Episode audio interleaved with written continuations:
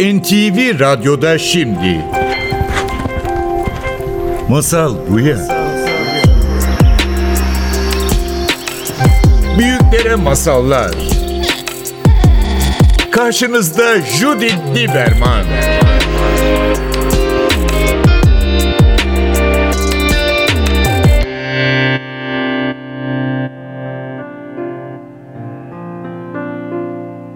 Masal Buya'ya hoş geldiniz. Bugün İlker Küçükparlak'la birlikteyiz. İlker hoş geldin. Hoş bulduk merhaba. İlker bir psikiyatrsin ve daha önce bizim programımızda konuk oldun. Tekrar hoş geldin. Hoş bulduk. Çok keyifliydi geçen sefer. Bu sefer Evet. öyle olur umarım. Benim için de öyleydi ve o yüzden tekrar çağırdım seni. Bu defa bizim konumuz bu. Ocak ayındayız ve Ocak ayında biliyorsun yani böyle biraz meşburan belki hepimiz biraz şey dilekler, karar listesi, kararname bile diyebiliyoruz yani listeler, takvimler yazılıyor, zincirleme takvimler. Ben bu sene mutlaka da mutlaka mutlaka bunları yapacağım e, diye öyle biraz Noel Baba'ya liste yazar gibi e, yeni bir hayat tasarlıyoruz. Peki Ocak ayında gerçekten bu kararları vermek için doğru zaman mı? Oradan başlamak isterim bizim sohbetimiz. Ya aslında belki şöyle herhangi bir zaman doğru bir zaman da olabilir bir yandan ama Ocak ayında birikiyor olmasında belki bir sorun var diye de düşünebiliriz. Yani şimdi burada bu yeni yılla ilgili şeyler işte bir ne diyeceğiz adına ne koyacağız hani bir temenni hani istek e, şöyle bir şey olsun bu yıl çok e, ne bileyim ailecek mutlu bir yıl geçirelim gibi bir temenni olabilir. Bundan bahsetmiyoruz sanırım. İnsanların kendilerine bir takım hedefler koyması. Bu sene şu dili öğreneceğim, şu kadar para kazanacağım, şu kadar kitap okuyacağım, neyse artık şu kadar kilo vereceğim falan gibi de olabilir. E, bir takım kararlar vermeleri ve bir aslında bir takım o seneye ilişkin kendilerini bir performans hedefi belirlemelerinden bahsediyor isek Şimdi Ocak ben hani şöyle e, geliyor bana. Eğer takvim yılıyla ilgili bir işimiz olmuş olsaydı mesela ajanda basan bir matbaanın sahibi falan. Ocak hakikaten iyi bir zaman olabilirdi e, bir takım bir şey hedefleri belirlemek için. Ama mesela bir akademisyen için aslında akademik yıla bakması lazım. Çünkü onun yılı e, takvim yılından bambaşka. Yarısı o yıla sarkıyor, yarısı bu yıla sarkıyor. Yani kışın gerçekten kışın ortasına gerçekten bizim bir başlangıç mı diye merak etmek gerekiyor. Yani benim yaşam tarzım şu an 1 Ocak'ta gerçekten değişiyor mu? Bu bir bir son var mı gerçekten bir başlangıç var mı burada ki bu noktadan sonra bir U dönüşü yapabileyim. Evet işte dediğim gibi e, ajanda basıyorsa ya bu sene ajandaları şöyle basayım diyebilir mesela ama çok istisna haricinde çoğumuzun hayatları takvim yılıyla alakalı bir şekilde ilerlemiyor aslında. E, Burada bir de tabii şöyle bir durum da var benim anladığım kadarıyla. Bu birazcık işte pazartesi başlanan diyetlere de benziyor ya. Yani, yani bu değişimi niye arzu ettiğimiz ile ilgili. Yani değişimi e, değişmeyen bir şeye dair bir kabullenememe ve bir huzursuzluk nedeniyle bir şeyden kaçmak için de bir değişimi arzu edebiliriz. Evet bu çok güzel bir şey yani. Niye değiştirmek istiyoruz? Yani başla ya da niye yeni bir şey başlatmak istiyorsun? Yani geçen senenin hikayesiyle niye barışamadın? Belki oradan başlamak gerekiyor. Yeni bir sayfa açacağımız. Bazen öyle diyoruz ya. Hadi 2020 geçsin yeni bir sayfa. Ama aynı hayat değil mi? Yani ne kadar yeni bir sayfa olabilir ki? Yani şöyle ben mesela yeni bir sayfa derken o eski sayfanın artık yok olmasından bahsediyorsak ne kadar kötü bir sene olursa olsun 2020 benim anılarımdan sinilsin. Hiç yaşanmamış gibi hiç böyle bir şey hiçbir zaman arzu etmem ki ben. Yani 2020 benim hayatımın bir yılı. Evet zorlukları falan vardır ama hani o artık bir tarafta kalsın ve bambaşka şeyler olsun. Bu biraz e, modern insanın hatta belki postmodern kültürün de diyebiliriz. Böyle bir şey de var ya mesela bilinçaltı formatlama. Şimdi biri gelecek benim e, bilinçaltımı hani şey gibi sanki mikrop kaynayan bir şey de onu steril edecek benim bilinçaltım. Tertemiz pırıl pırıl bir bilinçaltıyla yola devam edeceğim ama o da bana ait. Yani benim öykümün bir parçası. 2020 de öyle, başka bir yıl da öyle. Dolayısıyla kötü ne ise o kötüyü yok etmek, ondan kurtulmak adeta cerrahi bir işlemle kesip e, ondan kurtulmak gibi geliyor kulağa bu şeyler ama e, bizi biz yapan şeyler bunlar. Bütün zorluklarıyla, e, ve anılarıyla birlikte. Dolayısıyla bu yeni bir sayfaya da belki öyle bakmak lazım gibi geliyor bana. Peki bir psikiyatr olarak sence sıfırdan başlamak mümkün mü? Yani yeni başlangıç diye bir şey var mı? Ve o ikinci şanslar.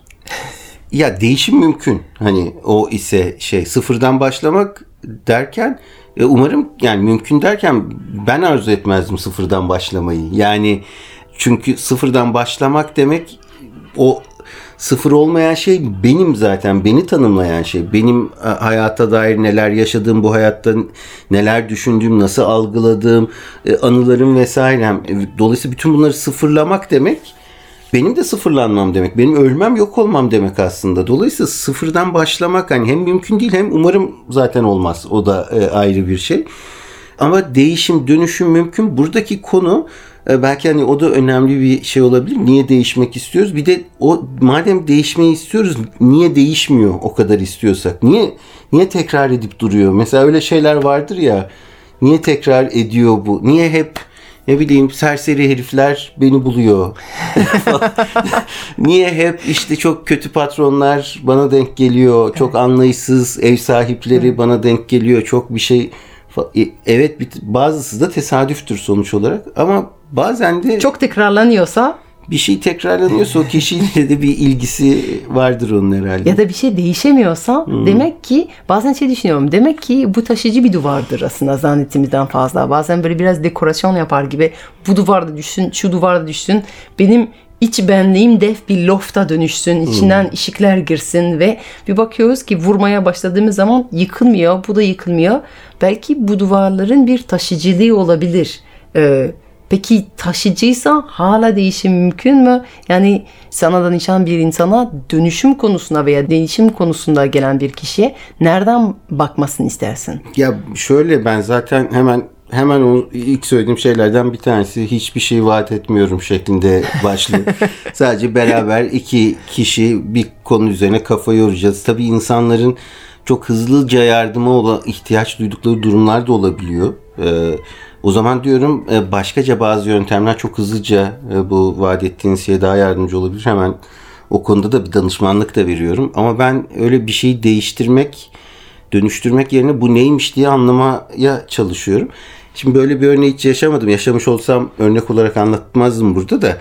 Yani mesela bizde semptomun işlevi denen bir şey vardır. Ne kadar rahatsız edici olursa olsun o yaşanılan durumun bir işlevi vardır. Mesela yine işte yaşamadığım bir örnek ama e, varsayımsal olarak türetelim. Şimdi bir adam işte bir otobana girdiğinde panik atak geçiriyor arabasıyla diyelim ki e, bir kere geçirdik. Çok kötü bir şey yani panik atak dediğiniz o anda ben ölüyorum diye ikna olmuş olmak demek. Yani hani bir insan bir kere ölür panik atak işte kaç kere yaşıyorsa o kadar ölüyor. Çok çok fena bir şey e, hakikaten. Ama bir süre çalıştıktan sonra bir bakarsınız ki diyelim ki işte bu adam aslında e, evlilik dışı bir ilişkisi varmış. Otobana girip işte e, sevgilisinin yanına gidiyormuş. Bir taraftan çok derin suçluluk duyguları hissediyormuş. Ama işte e, çok bununla yüzleşmek de istemiyormuş bilmem neymiş falan. Şimdi o karşılaşamadığı suçluluk e, işte orada bir panik atak olarak gitmesine engel olabilir. Mesela şimdi hani ne bileyim insan e, evliyken başka birine de aşık olabilir ve evet o zaman işte boşanılır ve veya neyse artık yani bu işi yönetmenin bir yolu olabilir. Ama bu işi Yani aslında değiştirmek istediğimiz şey belki bir semptomdur. Esas sebebi. işlevi Yani. olan bir İşlevi, semptomdur. i- evet. Şimdi o işlevi ne yapacağız o zaman? Çünkü şu çok oluyor. Mesela o kişinin panik atağı bir şekilde geçip e, ama o işlevi bu sefer bir şey karşılayamadığı için aynı kişide depresyon ortaya çıkabiliyor mesela böyle durumlarda. Evet. Ve bazen şey olabiliyor yani daha basit böyle işte ocak başında insan şey diyorlar işte kilo vermek istiyorum ama belki kilonun bir işlevi de var. Televizyon seyretmek ve boş zaman harcamak aslında dinlenmek ve çok fazla e, iş yapmamak. O yüzden dediğin gibi yani işlevi ne? Aslında yaptığımız hemen hemen her şeyin bir işlevi var. Mesela sigara çok demonstratif bir örnek burada. Yani insanların sigarayı bırakamayışının en önemli nedeni aslında o sigara molalarının bir işlevi var Ay. ve o sigara içmeyince mola vermeyi akıl edemiyor insanlar. Ve çok da Şimdi kendi kıskandığım sosyal dinlenme ihtiyacını bak sigara olmazsa çok çok temel bir şey ya dinlenme ihtiyacı yani hani e, bütün e, canlılar anlıyor yorulduklarını falan bir duruyorlar. Ama insan işte susadığını anlamıyor. Aplikasyonla işte e, bana bildirim gelsin su içeyim.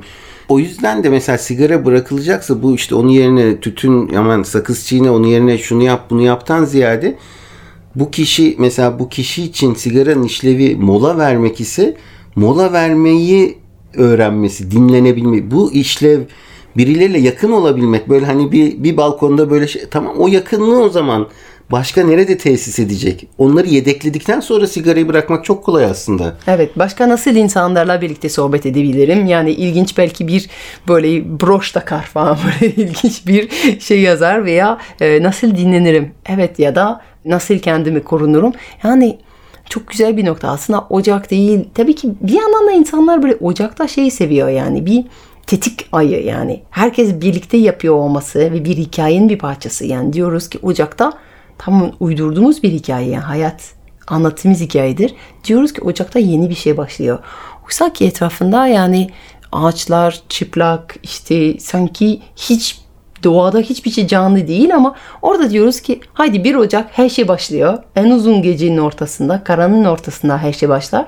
Aslında bir yerde doğa ile bir paralel var yani değil mi? Yani tohumlar belki o sıfır nokta oluyor doğada. Ve sıfırdan geri doğuyor bütün doğaya. Bu doğa. mesela belki yani 21 Aralık değil mi? 22 mi 21 mi Evet. en uzun e, gece. Sonra artık geceler kısalmaya başlıyor ama yine de e, şu anda bizler hayatımızla ilgili bir plan yaparken bunların aslında doğa içerisindeki bir yaşama ya da üretime dair bir e, parçası yok, bir boyutu yok.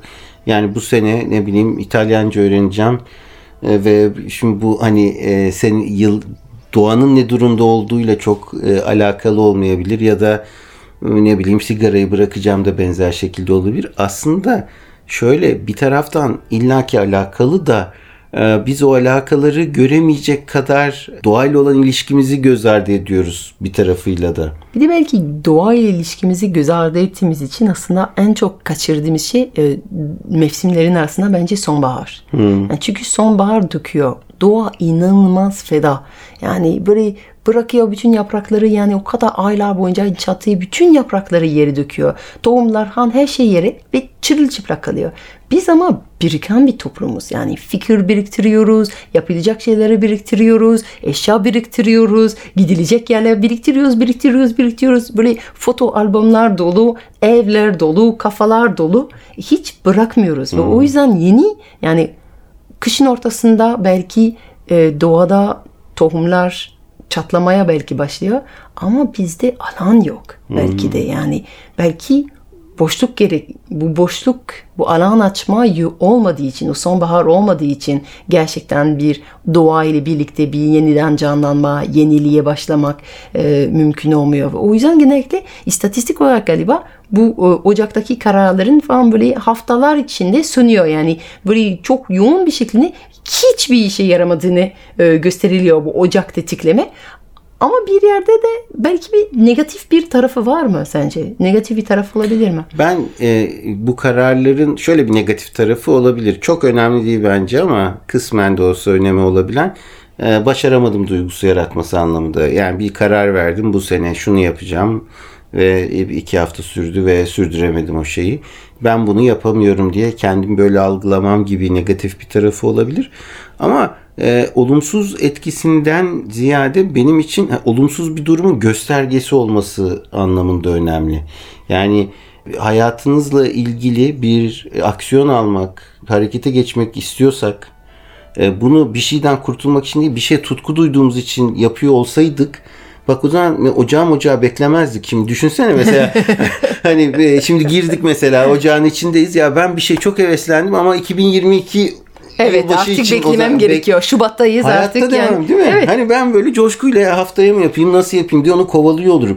Şimdi biz o kararlarımızı o coşku ile o heves ile heyecan ile yani bir şey değişsin istiyorsak bir heves heyecan barındırmadığı için kendimizi böyle dürte dürte Kırbaçlıya kırbaçlıya, Kırbaçlıya, bazen kırbaçlıya yani. Gerçekten şey şiddetli olabilir yani. Ruha şiddet bazen Kesinlikle öyle. O yüzden bu aslında çok şefkatsiz bir değişme denemesi. Çünkü hakikaten e, coşkuyla olan bir deneme o anda ya da hızlıca spontan biçimde olurdu zaten. Ben İtalyancayı ya da Çinceyi öğrenmeyi çok istiyor olsam Zaten arada onun İtalyancası buymuş. Biliyor musun Judith şu da İtalyancadan geliyormuş. Ha falan diye kendim de anlamadan içine girmeye başlardım. En azından bu akşam pizza yersin. yani ya da işte ne bileyim İtalya Ligi seyrederim. Bir şey yaparım yani. Hani o beni oraya doğru çeker. Ama ben yılbaşına bırakıyorsam hiç istemiyorum demektir. Çok net bir e, e, ve o, niye istemediğimiz bir şeyi değiştirmeye çalışıyoruz ya da değişmesi gereken bir şeyi niye istemiyoruz? Bunlar çok önemli sorular. Bunları pas geçerek karar vermeye çalışmak da bana böyle çok körlemesine hareket etmek gibi geliyor. Yani bir geminin kaptanı var ama gözleri bağlı yani çok iyi bir kaptan da olsa nereye gittiğini göremiyor gibi bir durum var. Çok güzel bir bir metafor gerçekten. Yani o yüzden bu, gözlerimizi kapatan bağ düşürüp biraz böyle bu sorular sormak. Neden değişmiyor? Ne işlevi yani şu anki durumu bana e, nasıl faydalar veriyor ikinci fayda olarak aslında istemediğimi söylesem de devam ediyorsam demek ki benden bir parça istiyor. Bir de neden değişmesi gerektiğini düşünüyorum yani neden kendimle memnun olabiliyorum neden bir de nerede coşku? Ya o da başka hmm. senden duyduğum çok güzel bir soru yani hmm. coşku nerede ve belki de değişim ve dönüşüm doğallığında getirecek olan şey zaten bu coşku, aşk yani böyle onun peşinde koş yani. Tamam çok güzel. Gerçekten tam buna göre bir masalım var şimdi. Bazen bazen aradığımız şey yanlış yerde aradığımızı biz bile biliyoruz ama ısrarla devam ediyoruz. Bu da bizim kapanış olsun. Çok teşekkür ederim. İlker Küçük Parlak bizimleydi. Bugün Masal Buya'da.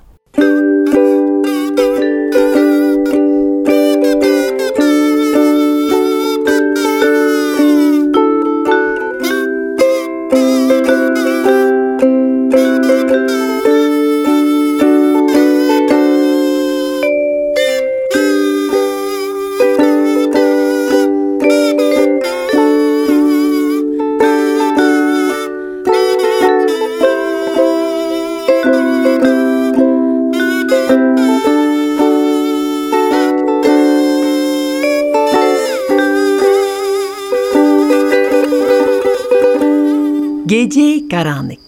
Göz gözü görmüyor. Sadece bir lamba var sokakta. Çevresine yüz yuvarlak bir ışık haresi yayıyor. Bu ışık haresin içinde bir adam hiç durmadan döne döne yerleri inceliyor. Altına bakmadı bir taş biri bırakmıyor. Saatlerdir arıyor. Kendiyle bile konuşmaya başlıyor bir süre sonra. Görenlerden biri üzülüp ne olduğunu soruyor ona. Evinin anahtarı arıyormuş meğer. Malum anahtarı olmadan evini giremez. Gelen adam yardım etmeyi teklif ediyor ve iki adam yan yana ışık haresinin içinde dönmeye başlıyorlar. Taşları kaldırıp otları aralayıp anahtarı arıyorlar birlikte. Uzun süre aradıkları halde anahtarı bulamayınca Yardıma gelen adam dayanamayıp soruyor. Evinin anahtarı burada olamaz. Her yere baktık. Burada düşürdüğüne emin misin? Hayır diyor adam. Anahtarı mı? Biraz ilerinde düşürdüm ama orası çok karanlık. Bu yüzden ışıkta aramaya karar verdim. En azından burada görebiliyorum.''